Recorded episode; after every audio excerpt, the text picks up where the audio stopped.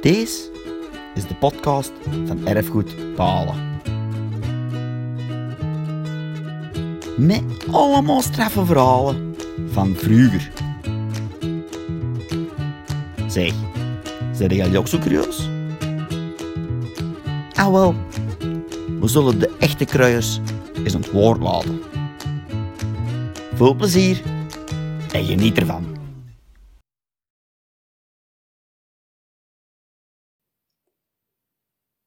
Elk glasje vandaag houdt de mot uit de maag.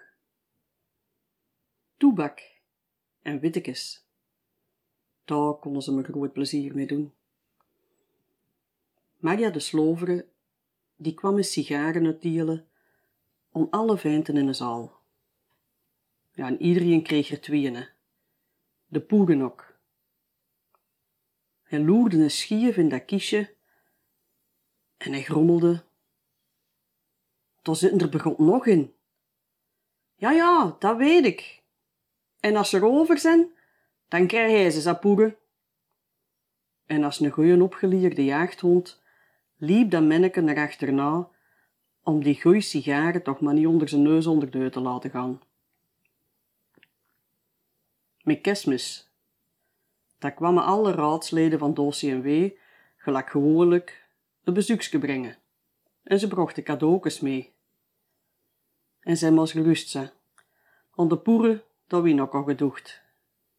Die kregen een haandok en siep. Maar ja, daar was die mens natuurlijk niet content mee, hè. Verdoeme. Ik heb al genoeg van die rommel. Had begot beter een goeie fles meegebracht. En andere mensen, die kenden de poeren beter.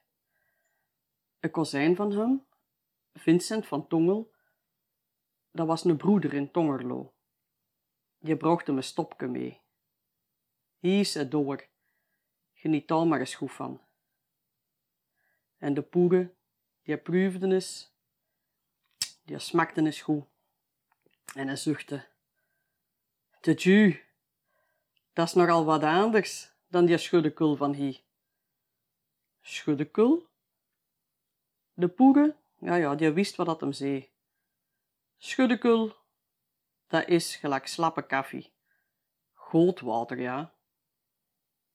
En ook probeerde hij goed te staan met zijn collega's, die dikwijls draan kregen van de familie. En als die mensen er weg waren, dan ging de poeren direct naar zijn maten. En waarschijnlijk kon er dan wel ieneke meedrinken, hè. Hij zette zich neffen hem en dan woogde hem totdat een ander over de brug kwam. Maar als de poeren wat vol gedronken had, dat wien hem lastig. Ja, en dan had hem overal commentaar op. Hè. Dat kon hem uren op zijn bed blijven liggen. En ja, de verpleegsters, die kregen dan de volle ladingen. Het was eens een avond dat ze op politiebureau van een telefoon kregen van het rusthuis. Of dat ze de poeder wilden komen halen, want hij was aan het maken. Ja, en die gendarmen, die troffen die oude mijns aan en een zuster die helemaal over de toeren was. En die liet een lege fles zien. Ja, die was echt, die was razend koud, aan nonneke. Poeren, gij zijt zat. Verdomme, zei die oude mens. Het is altijd hetzelfde. Gij ze zelf wat gezopen. Dikke trut. Nee, is genoeg, hè, poeren, zei de gendarm. Ik zwijg voor niemand, zei de poeren. Pak hem al mee, hij met de rut, zei het nonneke. Tja, en de poeren, die ging mee, op zijn wintersloefjes.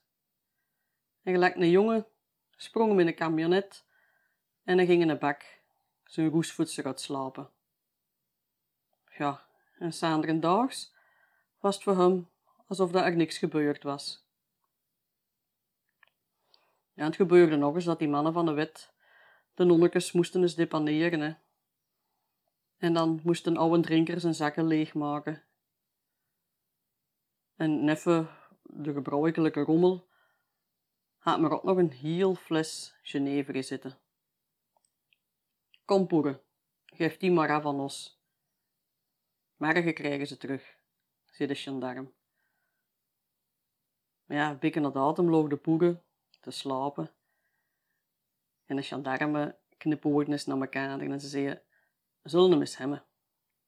Ja, en ze dronken een paar borreltjes van zijn fles op zijn gezondheid. En om dat toch maar niet te laten zien, hebben ze die fles met water bijgevuld. En daags kreeg de poeger zijn flesje terug. En had zoveel naduist dat we ze direct onder zijn kop zetten. En hij dronk een hele grote slok. En hij smakte nog eens. En hij nam nog een slok. Maar hij zei niks. Misschien was hem nog helemaal onder invloed van, de dag van tevoren, dat hem niks proefde. Of misschien was hem wat wijzer gewonnen, dat hem er niks van zei. Het was aan die sluwe vos niet aan te zien. En gelijk gewoonlijk wipte hem weer in een combi van de politie en hij reed naar rusthouders terug. Ondanks zijn kuren was de poeder dat toch goed gezien, ze. Hij deed iedereen commissiekes, want eigenlijk was hij een van de enigsten die nog een beetje bekwaam was. En de grootste sukkelaars, dat waren eigenlijk zijn beste maten. Want volgens hem binnen die benadeeld. En de poeren, die sprong dan in de bres voor hun. Ah, Franske, hoe gaat het? Goed zeker? Al eten gehad? Niet zeker. Ja, en de poeren, Stan die vertrokken naar de verpleegster om ze beklag aan te doen, hè. Allee, vooruit. Die mensje moet je begot gaan helpen. Het je wel goed? En bij de volgende maaltijd, dan viste hij de brokken stoofvlies uit zijn taloer. Hij stook die in een bouwel. En een beetje later, dan ging hij dat uitdelen aan iedereen wat dat hem van docht dat die mensen honger hadden. Als het erop aankwam op gebied van vlies, dan was het eigenlijk wel een pietje precies. Bufsteek kon hem helemaal niet hebben, hè. Bufsteek begot. Een leren lap onder ju. En het liefste, het liefste van al, haalden hem zijn kost bij Bastiaans. Toch kocht of toch kreeg hij al 50 jaar kipkap. Twee of drie dik gesneden klompen met gewone papierken er rond. ja, dat was voor hem een delicatesse. En ja, het hielde toch heren meer rond ook nog. Een vagebond, een zwerver, die eigenlijk nooit iets te veel gehad hij. Hij was eigenlijk een engelbewaarder van al die mensjes die in onze beschaafde wereld op een zijspoor werden gezet. En wie het ook maar durfde om één van die mensjes te benadelen, ja, die kreeg het met de purre te doen, hè. Hij de ooit eens een zusterke een schub gegeven, omdat ze volgens hem die andere mensjes niet goed verzorgde. Hies, hè, voor al die oude mensjes. En hij goof hij dan een schub, want dat kon de purre echt niet verdragen. Maar aan de andere kant kon hem ook dankbaar zijn. Dankbaar voor al diegenen die hem verstonden. De poeren, hij had ook zijn favoriete verpleegstertjes, hè. En voor hun bracht hij de schuinste schatten uit de container mee. Een stukje koper, een kapot servies, of soms ook wel eens een afgedankt kinderfietsje. En de verpleegsters, ja, die gaven hem dan wel eens 20 of 50 frank. En, wat is het? Rijden die kleine mannen eens op dat vloken? Vroeg hij dan de volgende dagen. Ja, ja, ze zijn er ik weet niet hoe zot van, zei ze dan. Ja, dat was maar een woord dan voor de purren, hè. En hij zulde nog, nog en nog van die kapotte kinderveelokers binnen. En dan waren er ook zo van die mannen die wat brutaal of wat handtastelijk aan die verpleegstertjes weren. Ja, die kregen ook af te rekenen met de poeren. Dan moet hij godverdomme gedaan zijn met oude smerige kuren. En dan sloeg hem erop los op die mannen, hè. Maar toch was hij ook niet altijd de galante ridder, Want als de verpleegsters dan wat het ruisten in het bad, dan konden ze niet een keer niet goed, niks goeds meer doen voor hem.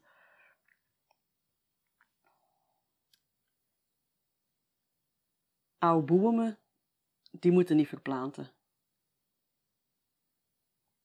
Het ergste was toen de poeren voor drie jaar naar Wuttel vloog. Die dag, hij had wat veel borreltjes gedronken onderweg. En met een halfvolle fles was hem weer gelukkig en lustig binnengekomen. Maar het nonneke, die wilde dat drankje afpakken. Kom, poeren, daar heb je er meer van doen. Geef dat maar hier.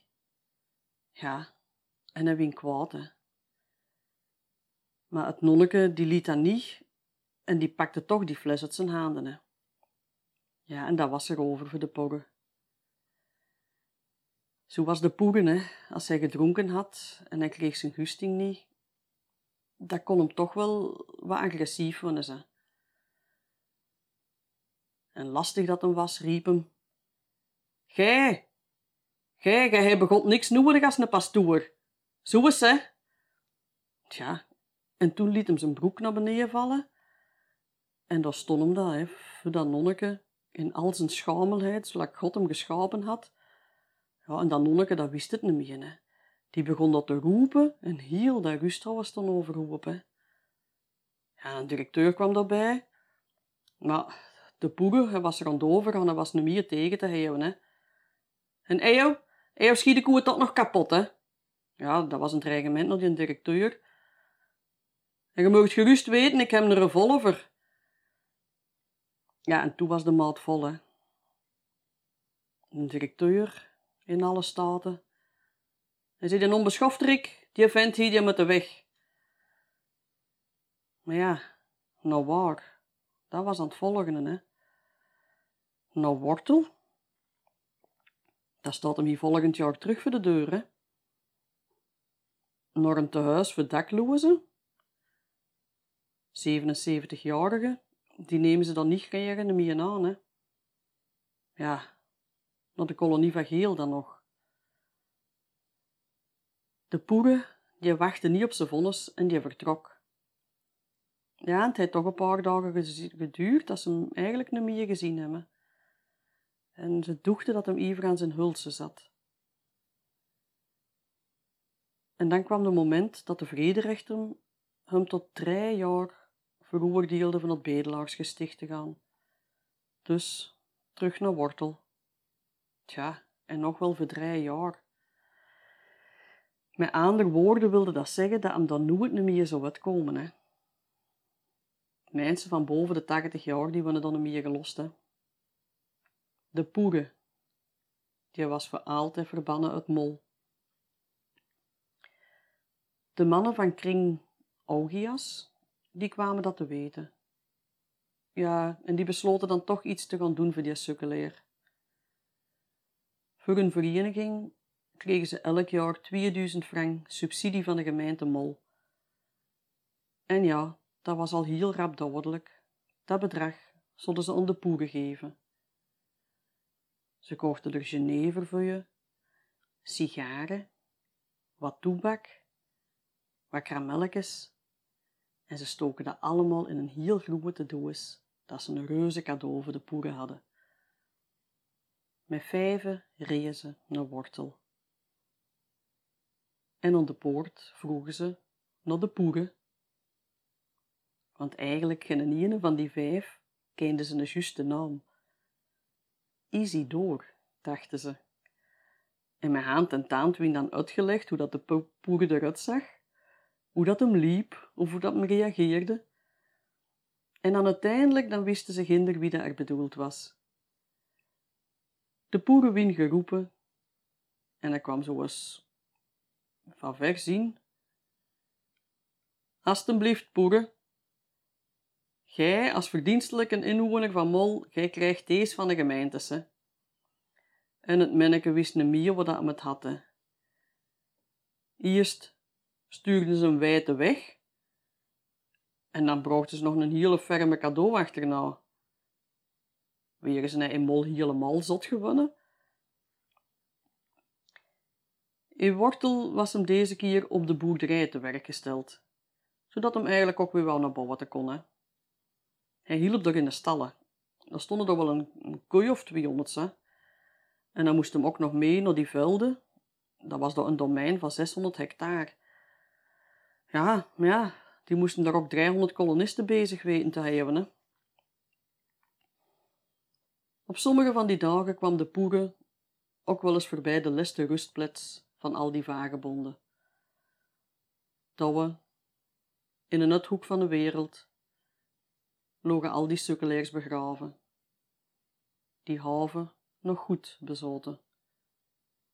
En wat dat mens eigenlijk niet meer in hen omkeek. Een klei wit krusje, met niks dan een naam op. Dat was alles wat overbleef van sommige levens, die teruggetrokken of stormachtig, onderdanig of misschien wel rebels waren geweest. Maar hier waren ze allemaal geëindigd in afzondering. Zult hij hier ook terechtkomen? Zullen ze hem hier op deze afgelegen stukje ook in de grond stoppen? Wijd de weg van de molse stretjes, van de bossen van de haai en de volmolen, waar dat hij geworteld was. Wijd weg van de konijnenwaaien van schrik en van al die oude herbergen van Grees en Hulse. Ja, dat zat hem in. Dat vond hem erg. Ze bedoelden het allemaal wel goed met hem, dat Maar uiteindelijk, de poeren, hij voelde zich niet thuis. En hij nog dikwijls mol gedoegd. En aan al die mensen die hem geren hadden. Regine van Janneke van de Vennakker en haar dochter Marie-Louise, die gingen hem toch van tijdens op bezoek. En dan zeiden ze wel, poeren, we gaan toch proberen van eeuw terug naar Mol te halen, ze. Ja, menneke, dat moeten we eens doen. En in zijn antwoord loog er dan heel veel hoop. En ook de directeur ginder, die vond eigenlijk wel dat de laandloper zijn pletsje in mol was. Maar ja, de nonnekes, die wilden hem eigenlijk niet meer terug oppakken, hè. Maar langs alle kanten werd er toch geprobeerd om die poeren terug naar Mol te halen, voordat hem 80 jaar win. Ja, in die tijdje liep het, dat begon zo een te dringen. Maar de nonnekes, die heeuwen voet bij stukken. En te lange lijsten sprak men van de laandloper dat ze die naar een rusthuis in Weinigem zouden sturen. Weinigem, nog weddere weg. Totdat er het verlossende bericht kwam. Het OCMW van Mol, die zonden het beheer van het rusthuis van de nonnekes gaan overnemen. Ja, en daarmee kwam het vetorecht van al die nonnekes te vervallen, hè. Ja, ja, alles kwam nog op tijd, ik kan een enkel En die laandloper, die wien naar Mol gereden. En deze keer niet in een camionet van een gendarme, maar in een luxe vatuur. gelijk een echte senator in spee. En de nonnekes, ja, die konden niet anders als de poeren welkom hieten, maar direct zeiden ze hem al goede les voor je, hè. En als ze hem niet in bad willen, dan kwam de non erbij. Poeren, je laat dat binnen het uur wassen of je vliegt terug naar Wuttel, hè. Nou ja, dat was maar een woord, hè. En het manneke schoot direct naar de verpleegster. Zeg, het nonneke gezegd dat je me direct moet gaan wassen, hè. Hij trok zijn klieren uit, hij loerde eens heel schief naar beneden en hij grommelde. Ja, en waast je smeerlap ook nog maar eens goed mee. Een uur later, ja, dat zoog hem al terug zo vol. Zeker als we weer in die containers had zitten sneukelen, hè. Hij kroop dan helemaal in die container, want ja, hij wist dat, hè, de grootste schatten, die zitten altijd van onder verborgen, hè. En als er dan iemand nog eens een hoop vouwel in die containers wierde, dan huurde de mens voor zijn grote schrik van een ene keer van hé, hey, zeg, non de zit ik hier ook nog in, hè. En die mens, die verschoot dan. De politie, die bracht hem eens naar het rusthuis. Salaat en riepels rode koeien achter zijn kraag, een naaierdoor op zijn klak, tomatensap op zijn kleren. Die zoog er niet uit. En vloeken, en vloeken dat hem deed, en lawaad maken. Godverdomme, ze kunnen een mens een mier op zijn gemak laten werken, begot. Altijd vonden ze de poeren. En er werd ook nog wel eens gevraagd om Ivrans te gaan plekken. Maar ja, hij heeft er zo een prosboel van gemaakt dat ze alles opnieuw hebben moeten laten doen. Ja, het was versleten. Ja, en zo raakte hem eigenlijk wat op de dool. En hij zwierf wat rond in mol, de vuilbakken wat opzoeken. En tijdstags na de met, dan ging hem het rond, over het. Waar rotte patetten, rotte appelen, verloren gerolde muntstukjes, een halve hotdog, wat sigarettenpukjes. De poeren, hij rapte alles op. Op een kier dat de met weer afgesloten was en die mannen van de gemeente het rond weer ontpropen weren, zocht een gendarm van dienst de poeren bij wat lege dozen staan. Het was wat achtergebleven rommel van een snoepkraam, waar nog wat chocoladekrummeltjes in logen. De poeren, hij maakte zijn vingers nat, hij dupte ze in de dozen en hij likte gretig de lekkernij op. De man van de wet kwam heel stille eskat erbij en hij tikte de poeren op zijn rug en hij vroeg: Wat is het, poeren? Gaat het? En het manneke verschoot. Hij loerde achteruit en hij grommelde. Ja, ja, ja, ja. Ik zijn aan het heten. En hij pakte de lege dozen op en hij droeg ze rap naar de container. Marie van Plony, die zoog hem eens achter een schutting neffen de spar op de grond, achter door je schieten. En ze ging achterna eens te zien. En toen zag ze dat hem daar weer stond te tutteren aan een fles die hem daar even aan zijn kant verstopt had. Ah wel, nonkel, riep ze. Wat ze er aan het doen?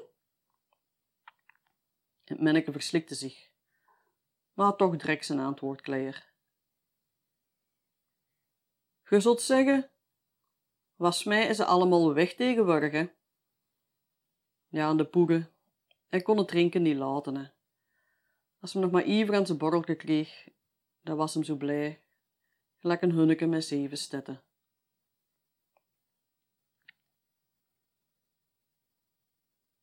Zelfs een zwerfkaai wit van weer en wind.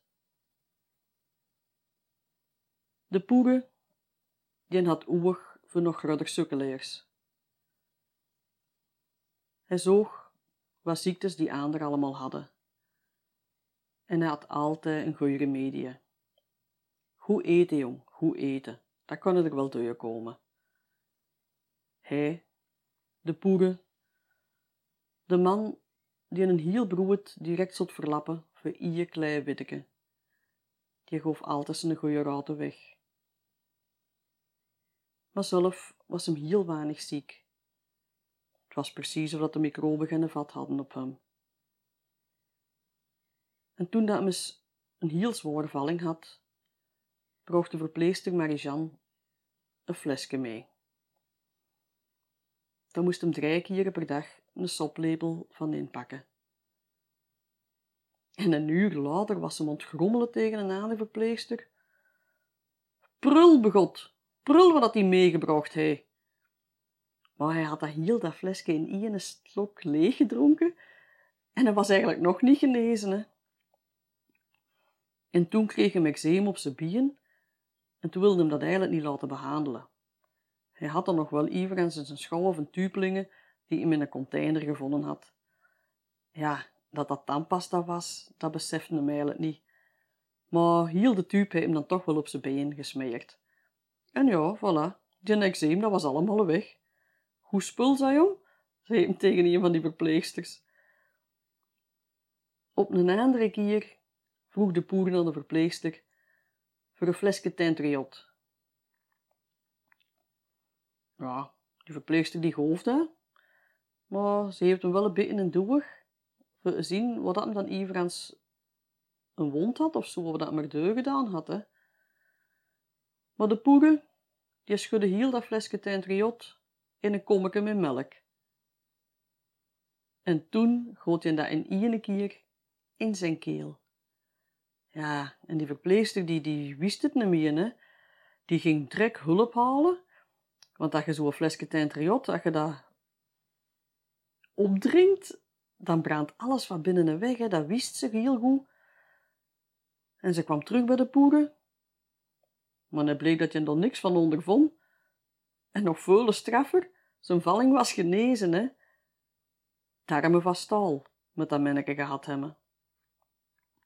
En blijkbaar, later hoorden ze dat, dat dat bij de koolputters de geweente was van een paar druppels mercurochrome in wat melk te doen tegen de valling. Ja, de de poeren die maakten er drekke perenmiddel van. Hè. De poeren, die al ver in de tachtig was, overleefde eigenlijk alles. Maar uiteindelijk begon er toch sleet op te komen. Nadat hem geopereerd was van een serieuze liesbreuk, kon hem niet zo goed meer wateren. En daar zoog hem veel van af. En hij wilde dan ook geen antibiotica pakken, en dan tussendoor konden ze hem wel eens een sputje in zijn bil geven. Maar ja, dat was dan ook maar pas na veel vijven en zessen. En op een gegeven moment kwam het zo wijd dat hem helemaal niet meer kon pissen. Hij nam de verroeste nagel, even aan zijn schouwafween op zijn kamer, en hij keuterde eens goed in zijn leidingen. Ja, dat hielp natuurlijk ook geen drup. Integendeel, zijn geval dat begon dat serieus te zweren, dat zo wijd was dat dokter Van Damme er moest bijgeroepen worden. Ja, en daar is de poerentocht toch niet goed van geweest. Van dokters, daar moest hem helemaal niks van hebben. Ja, en hij voelde zijn eigen zo ellendig ziek dat hem zelfs zijn bed niet meer kon. Ja, en toen hij huurde dat een dokter erbij moest komen, toen ging hem rap recht zitten en, en, en, en hij rommelde zo wat van... Ik zeg nee, ze een dokter maar niet komen. De poeren, die deed al zijn kiemen, doe het met jenever en met toebak. Zelfs binnen kon hem het sikken niet laten, hè. Ja, en van tijd moest die verpleegster wel eens opzij springen, als we weer zo een goeie gemikte straal brouwen het sap uittufte. Ja, en als de plassen wat groot waren, dan ging hem daar wel met zijn snoeven eens wat over en dan kuiste hem dat zo met zijn sloeven wat uit die Ja, en rond dat bed van de poeren, dat was allemaal bezaaid met zo'n vlekken, hè. Precies of dat er overal koffie gesmolst was. Toen de poeren 89 was, stierf zijn kozijn. Pater Vincent, van de abdij van Tongerloe. De zoon van zijn Peterome, Theodor. Maar de poeren, de leste der Moanikanen, die bleven leven. En chef van Jules, van chef van de jager, die gingen die hoogbejaarde mens nog eens in het rusthuis opzoeken. Want het was eigenlijk zo dat de scouts van Ezert, die hadden een plan opgevat om de film te maken over een heel mol en hulse dat gekend dorpsfiguur. De chef die moest dat draaiboek schrijven en Frans van Funneke Tieter die zat het filmwerk voor zijn rekening pakken. En de chef die zette zijn eigen even de poeren en hij vroeg Poeren, hoe oud zijn jij nou eigenlijk? En de poeren die bekeek de onbekende vogel schief, maar hij zei niks. Is het waar dat jij ooit een plekker geweest zij? Probeerde de chef zo het op een andere manier eens wat aan te pakken. Maar de poeren stond op en het trapte het af. En de chef, ja, die bleef er wat versutseld zitten. En de verpleegster die had een snutje. En ze gaf chef een wijze raad. Als je nog eens komt, de chef, breng dan eens wat borreltjes mee. Ja, en een paar dagen na datum zoog de chef de vagebond als dat sneukelen in een valbakje op dagen met je. En hij ging door wat geduldig zitten wachten op een bangetje, want het oorlogsmonument ontrond. Na een tijdje kwam de poeren aangesleft. En de chef, hij haalde zijn flesje Genever tevoorschijn. En heel opvallend hield hem dat burrelke voor zich. Ja, en de burre, die passeerde dat we. En hij zei, als je wilt, je er een meedrinken. Voor wat zoek ik met jou een drinken? zei de poerennors. Ja, dan drink hem zelf wel uit, hè, zei de chef. Allee, geef dat begot nog hier, zei de poeren. En als het te drinken viel, dan wilde de poeren altijd toch wel eens klappen ze. En vier keren is de chef gelukt hem zo aan de klap te krijgen. Over zijn miserie in Noord-Frankrijk, over zijn stroperijen en ook over het accident met zijn oer. En de chef, die wilde eigenlijk ook wel eens weten hoe dat dat zoot met al die straffe oorlogsverhalen over verstopte piloten of hoe dat hij een medaille en zelfs geld zat voor gekregen hebben. De poeren, hij vertelde wel over de oorlog, maar niet echt veel. Het zullen alleen maar werkweigeraars geweest zijn, die de poeren in de bossen wist zitten. Veertig jaar later konden er zich nog altijd dik over maken. Dan hadden ze de ragen zo goed verstopt als eten en dan ging de smeerlap die mannen nog verraaien. En dan moesten poeren miljarden ju nog poeën te maken. Maar op een bepaald moment wien de poeren toch zo een beetje achterdochtig en dan ging hem toch niet voets met zijn verhaal. Zorgen heb ik hem nooit gekend. Maar ik weet nog veel. Ik weet begot nog veel. En zelfs een tweede borrelke ging zijn tong niet losser maken. Hoewel hem in de oorlog heel veel het meegemaakt, zal hem die medaille waarschijnlijk wel in een container gevonden hebben. En dan was er eigenlijk nog een vraag die de chef toch nog wilde weten. Zeg, Porre, hij je ooit een lief gehad? Jawel, jong, een van Mert. Maar er kwam non de domme nog een andere. Ja, en die had ze begot vol zitten, hè. En dan mag ik niks van hem, hè. En Poere, wat is eigenlijk het geheim om ze uit te winnen? vroeg de chef dan nog. En de grijsaard, hij keek naar de chef En ik keek naar de fles. En ik keek terug naar de chef. Je zijt er begot mee bezig. Altijd gewoon doen. Op tijd een snapske. Rustig aan. En gij gejaag. En de poeren, hij slijnterde voets. Want zijn tweede borrelke was leeg. Hoewel de chef na die vier klapjes toch eigenlijk al heel wat stof had, is er van die film spijtig genoeg niks in houwers gekomen.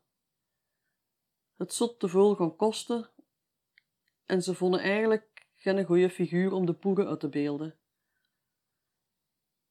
Frans van Bazarke, die kwam de poeren nog eens tegen in de Vennestraat. Het ventje draaide maar wat rond op straat. Juist als een koei die op kalver staat. Wat is het, poeren? vroeg de Frans. Wat is de meskeschool, jong? Wat dat ze naaien en zo. Hij wist blijkbaar nog hecht nog steg. Kom, poeren, ik zal eens meegaan, zei de Frans dan. En een omstrompelend dat mee onder de arm. En hij bracht hem met veel moeite en bochtenwerk naar de huishoudschool, naar het terug. En sanderendaags wie broek vertelt dat de poeren en Frans van Bazarke nog samen op de lappen weer geweest en met een ferm stuk in de kraag nog over het straat hadden gelopen. Dat hadden de mensen van Frans nooit gedocht. Gevangen als een muis in een meelton. Het jaar erop winnen alle meisjes van de Alpekensoos verhuisd naar nieuw complex, de Witte Meren. In plaats van oude ijzeren bedden, versleten bestek en primitieve toestanden in een vervallen ziekenhuisvleugel, kwamen ze terecht in een spiksplinternieuw gebouw. Met alle luxe en comfort. Omdat de poeder als zo oud was als de straat, nog maar met één ogen meer zag, met zijn stramme benen aan die goede meer uit de voeten koos, wie hem op de bovenste verdieping gedeponeerd. Tussen een dertigtal patiënten waarvan het geheugen door het stof der jaren al verdoofd was. Achter hem wien de deur goed dicht gedaan.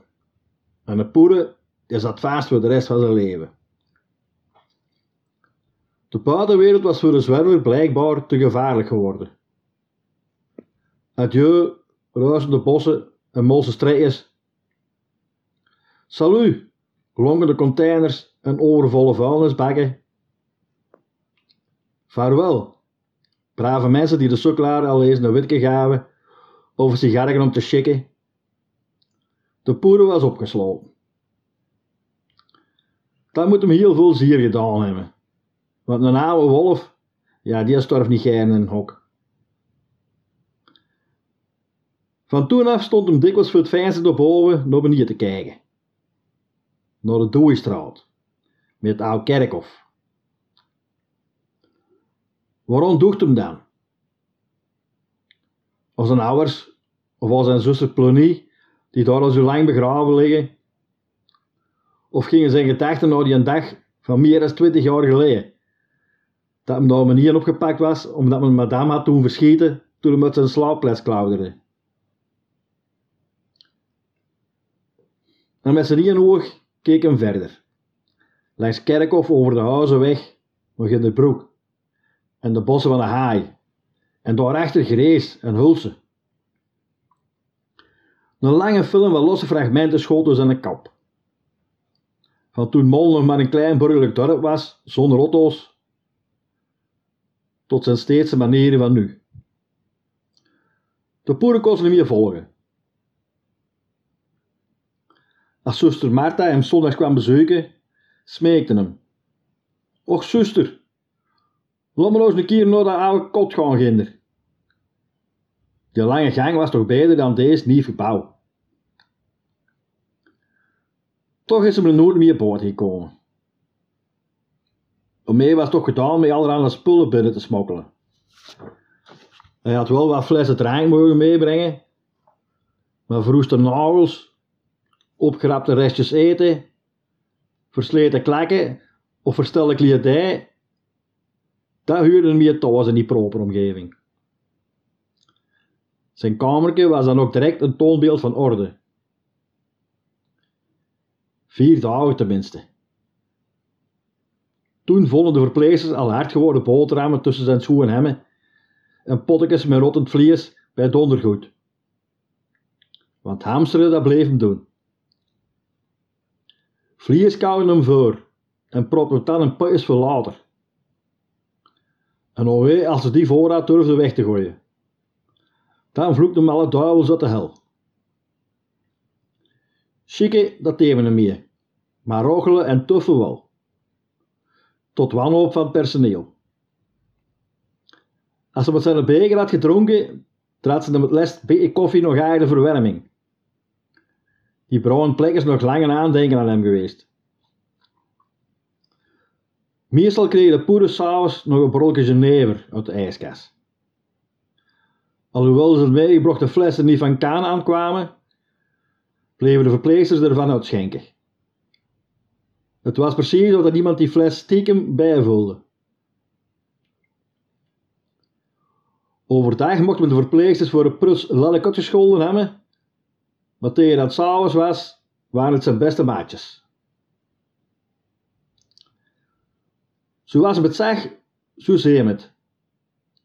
Ze net lag op zijn tong.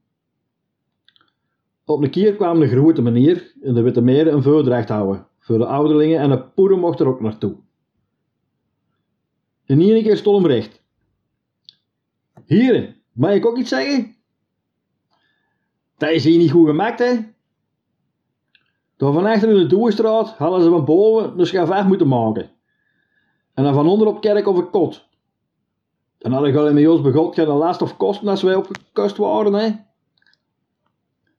De geleerde spreker reageerde iets wat uit het veld geslagen. Het is goed, meneer. Maar de poren had het cent toch gezegd. Veel bezoek kreeg hem niet. Toch waren ze niet vergeten. De directeur had eens een flesje gekregen voor de poeder. En ik kwam ermee naar boven. Hier is de poeder. Proef eens. Het feitje vertrouwde hem niet erg en dronk voorzichtig, terwijl dat mijn directeur argwanend beloerde. Hij smekte luid op, dronk nog eens en riep uit: Genevel. Het is verdoemen nog echte nog? Ja, ik dacht dat het water was, meneer, maar het is begot echte. Monstaas, die als facteur op de haai de poeren honderden keer had ontmoet, zocht hem al eens de keer op in zijn kamer. En poeren? Hoeveel konijnen heb je in uw leven zoal gevangen? Goh, dat weet ik niet, jong. Dat weet ik niet. Maar dat zijn er de juvel, hè? grinnikte de stroper. Toen was ze vertrokken met te vertellen. In de bossen rond Sasses heb ik ook een reebok in de strop gevangen. Een patrijze, poeren.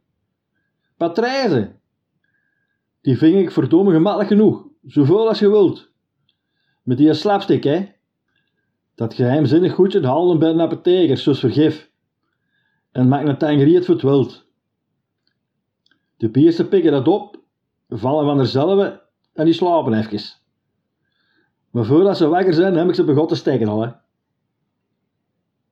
Op zo'n moment vloorde hij op en de mond zag aan lichten in zijn oog dat me nog aan beleefde. De oude voerman hoort nog graag het klappen van de zweep. Maar meestal zat de poeder alleen op de bovenste verdieping. Hij had nooit van drukte gehouden. Terwijl andere patiënten een poppetje koesterden, stil, een liedje zongen of wat heen en weer wiegden, zat hij zijn zeel te staren naar niks.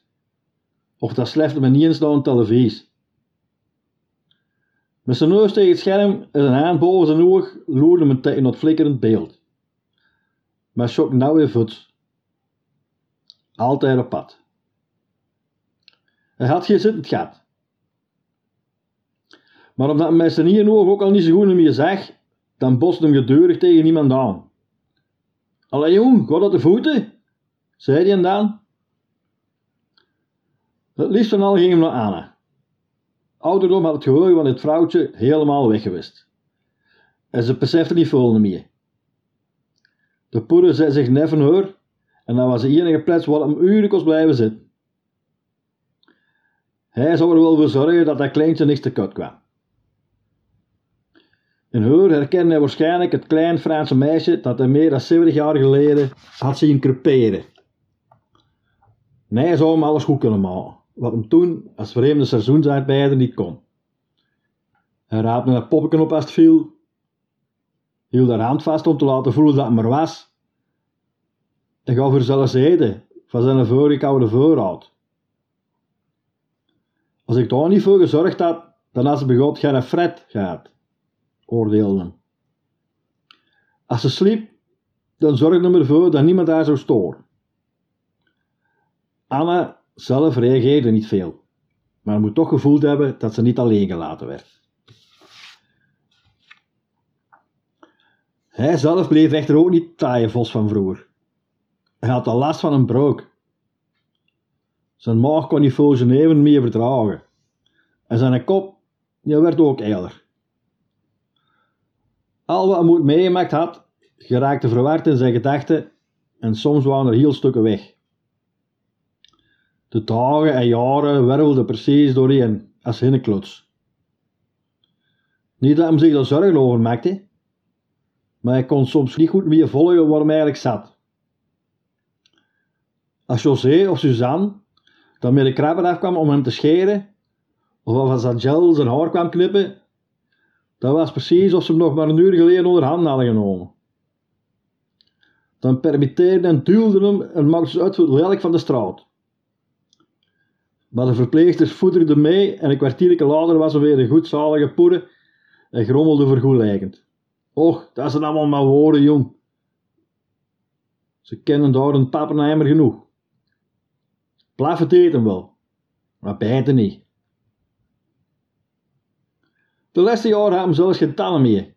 En we moesten ook altijd mals en mager voedsel krijgen. Het liefst van al puree. Maar als hij dan aan tafel zat, dan kon hem niet veel binnenkrijgen.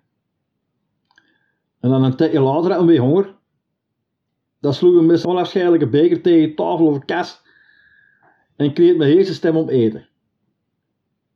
Ongeduldig op zoek naar voedsel trok hem aan de deuren van zijn kas of zwierde vloekend door de gangen. Als ze moe wien, dan pakte hem een rolstoel en leunde erop, of ging er zitten en reed zo voort. Een deur die dicht was, die wien met veel lawaai geramd tot de verpleegsters kwamen opdoen. De poeder heeft er wel degelijk zijn sporen nagelaten. In de winter van 1990 kwam de meester weg in de broek de 94-jarigen interviewen, om er boekje over te publiceren in de wijk. De poeder zat alleen, over de eettafel gebogen, zijn vinger om een beker gekromd.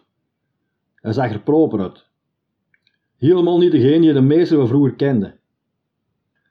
Maar zijn manieren waren nog dezelfde. Hij sloeg met een beker op tafel en riep met rauwe stem: Hoeren, ik heb honger! Ik heb honger, begot! De meester schoof dicht bij het permitterende veensen en vroeg: Poeder, waar hebben we nou eens gewoond? En niet eens zweeg de poeder. Precies of hem luisterde en grommelde dan wat onverstaanbaar terug. Poeder, wat je nou ouders voor de kost? Weer keek hij op, maar hij zei niks. Op geen enkele vraag kwam nog reactie. Met zijn ene oog beloerde hem de bezoeker. Besefte hij wat hem gevraagd werd? Of drong niks meer door in dat suf geworden brein van hem? Plots stond hem recht en slefte met zijn sloef de kamer uit. Daar zat de meester. Toch kwam de poeder terug, ging zitten en timmerde weer op tafel. Ik heb honger! Vuil hoeren, honger! Zijn gast zag hem niet zitten. En zijn vrouwen, die huurden hem al niet meer. Ik zend te laat om nog iets meer te weten te komen, verontschuldigde de meester zich tegen de verpleegster. Och, troostte zij. Vroeger, toen nog bij zijn verstaand was, zou hem ook niks gezegd hebben. De meegebrachte flesje neven bleef door.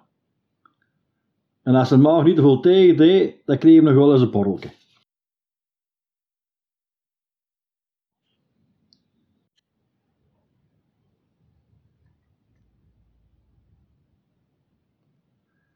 Als de tol ten eind gelopen is, valt hij stil. Als Marie-Louise van Regine van Janneke van de Vennekker hem maar wekelijks bezoekje had gebracht, tribbelde de poeren gewoon getrouw mee tot aan de deur. Maar op een keer bleef hem stilletjes in zijn kamer zitten.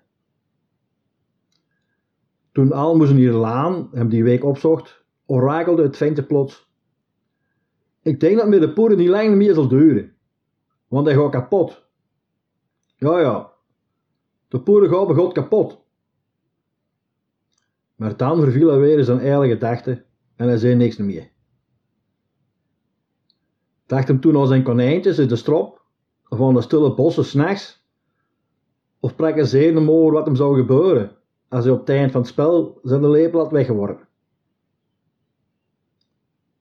Een paar dagen later, op 12 juni 1991, in een vroege morgen was er niet zo wijd. Het manneke was puur opgeleefd. Hij blies aan de lessen naast hem uit. Alleen op zijn kamertje en in stilte, zoals hem geleefd had. De piertjes in het bos die kruipen ook stilletjes weg als ze hun einde voelen komen. Ze hebben daar in de Witte Meren nooit zo'n emotioneel moment meegemaakt als toen ze hem daar in zijn bed vonden. De almoezenier, de directeur en alle verpleegsters stonden rond en zagen het ventje liggen. Ze waren er allemaal van aangedaan. Het was precies dat er iets van hen zelf weg was. Een stukje duurbaar antiek was weggehaald en liet een lege plek achter. De poeren, ruwe polsen maar een blanke pit, was dood. De kaas de nieuwe lang had hem geleefd, met de lucht als plafond en de natuur als zijn salon. Honderden keer had hem in weer en wind geslapen, duizenden beestjes gestrikt en borreltjes. Goh, hoeveel had men wel gedronken? Daar konden ze een hele vijver mee vullen. Maar nooit of nimmer heeft hij iemand slecht willen doen. Daar was een veel eerlijk voor. Hij kon wel eens uitvliegen tegen die kattenkoppen van nonnen, of de verpleegsters eens duchtig uitscheiden voor rotte vis. Maar dat zijn allemaal maar woorden, jong. Nu waren zijn laatste woorden met hem vertrokken. Het enige wat men nog kon doen, was een schoon begrafenis geven. De directeur stelde een echte doodsbrief op en liet een schoon doodsprei drukken, met een foto op. Er was nog heel wat volk op de begrafenis. In zijn homilie ging een aalmoesnier in op de levenswijze van de overledene. Dank aan u allen die met zoveel hier zijn samengekomen tot afscheid van de poeren. Het is wellicht goed geweest dat wij hem niet gevraagd hebben of we dat mochten doen. Want waarschijnlijk zou de overledene niet akkoord gegaan zijn met onze opvattingen. Hij voelde zich niet gelukkig met de veel mensen om hem heen. Hij ging liever zijn weg, in stilte, zonder belangstelling van anderen. Theodor had op veel punten zo zijn eigen inzichten en opvattingen. En liet niet toe dat anderen daar, hoe goed bedoeld ook, veranderingen wilden brengen. De zusters hebben dat genoeg ondervonden. Zo heeft hij nooit begrepen waarom de plaats onder zijn matras niet als een veilige kast kon dienen. 25 jaar verbleef hij in het rusthuis. Eerst 20 jaar aan de overkant en nu bijna 5 jaar hier in Witte Meren. De eerste 20 jaar had hij wel zijn plaats in het rusthuis, maar meestal zwierf hij op straat op zoek naar wat voor hem waardevol was. Hij zorgde er echter wel voor om op tijd binnen te zijn om zijn witteke niet te missen. De overledene met zijn eigen levenshouding was zeker geen figuur die misschien onze bewondering opwekt of tot navolging oproept. Nadenkend over zijn leven stellen we toch enkele merkwaardige zaken vast. Zijn levenshouding was een kritiek op onze prestatiemaatschappij. Ofschoon hij een goed vakman was en goed pleisterwerk kon afleveren, waren verlangen en streven naar prestaties hem toch heel vreemd. Hij was gelukkig met zijn levensopvatting.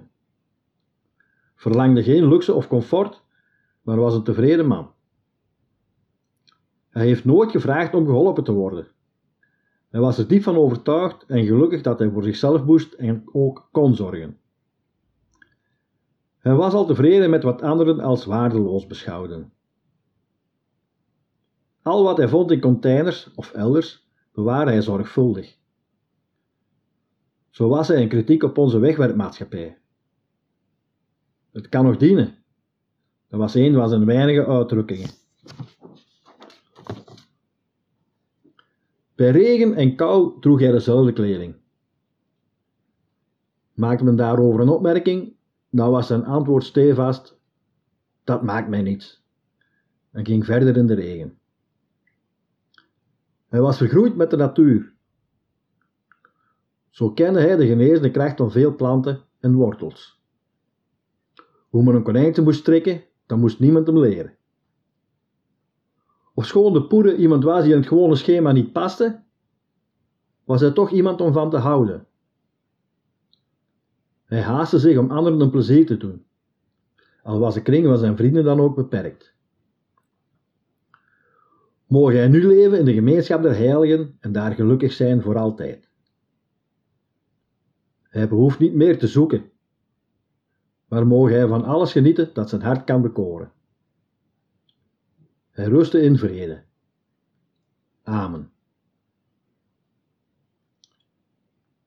Even later werd de Nienzaal naar zijn laatste gereden. Hij werd begeleid door een tiental mensen die hem kenden, zoals hem was, en die hem daarvoor dankbaar waren. Omdat Malien maar verre familieleden had, namen de verpleegsters de ereplaatsen naar het kerkhof in.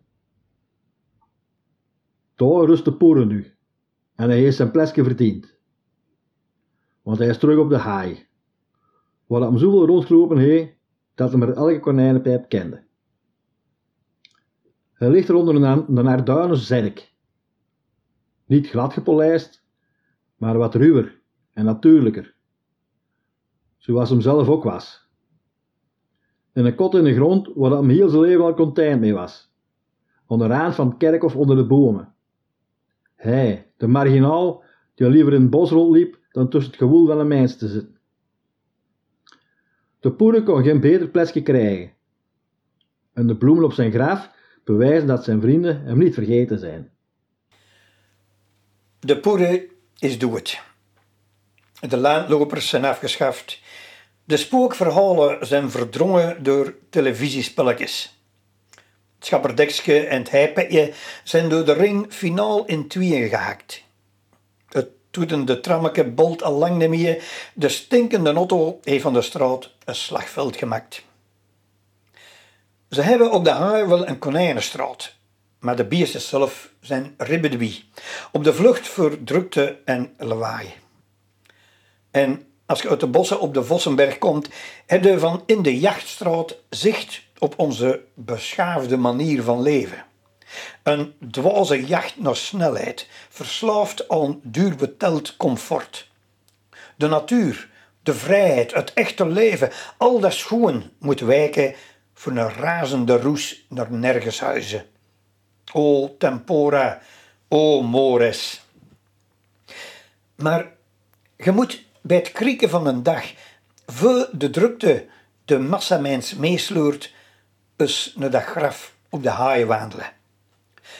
Snooft er de geur op van hars en brem en lustert in alle rust naar de wereld zoals je duizenden jaren lang geweest is. Dan hoorde je misschien de geest van de poere weien door de bomen.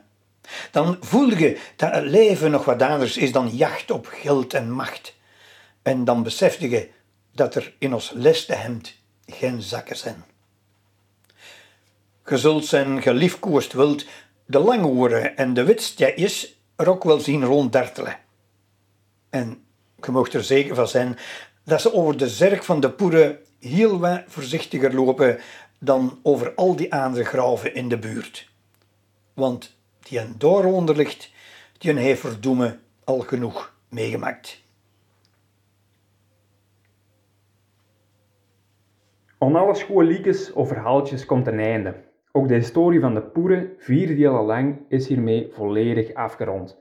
Maar niet getreurd. Onze volgende podcastaflevering staat alweer gereed. Voor zij die niet genoeg kunnen krijgen van het verhaal van de Poeren, hebben we alvast heel goed nieuws. Het allang uitverkochte boekje over de Poeren, geschreven door Rick van Brabant, ligt momenteel terug op de drukpersen en zal heel binnenkort verschijnen bij Erfgoed Balen.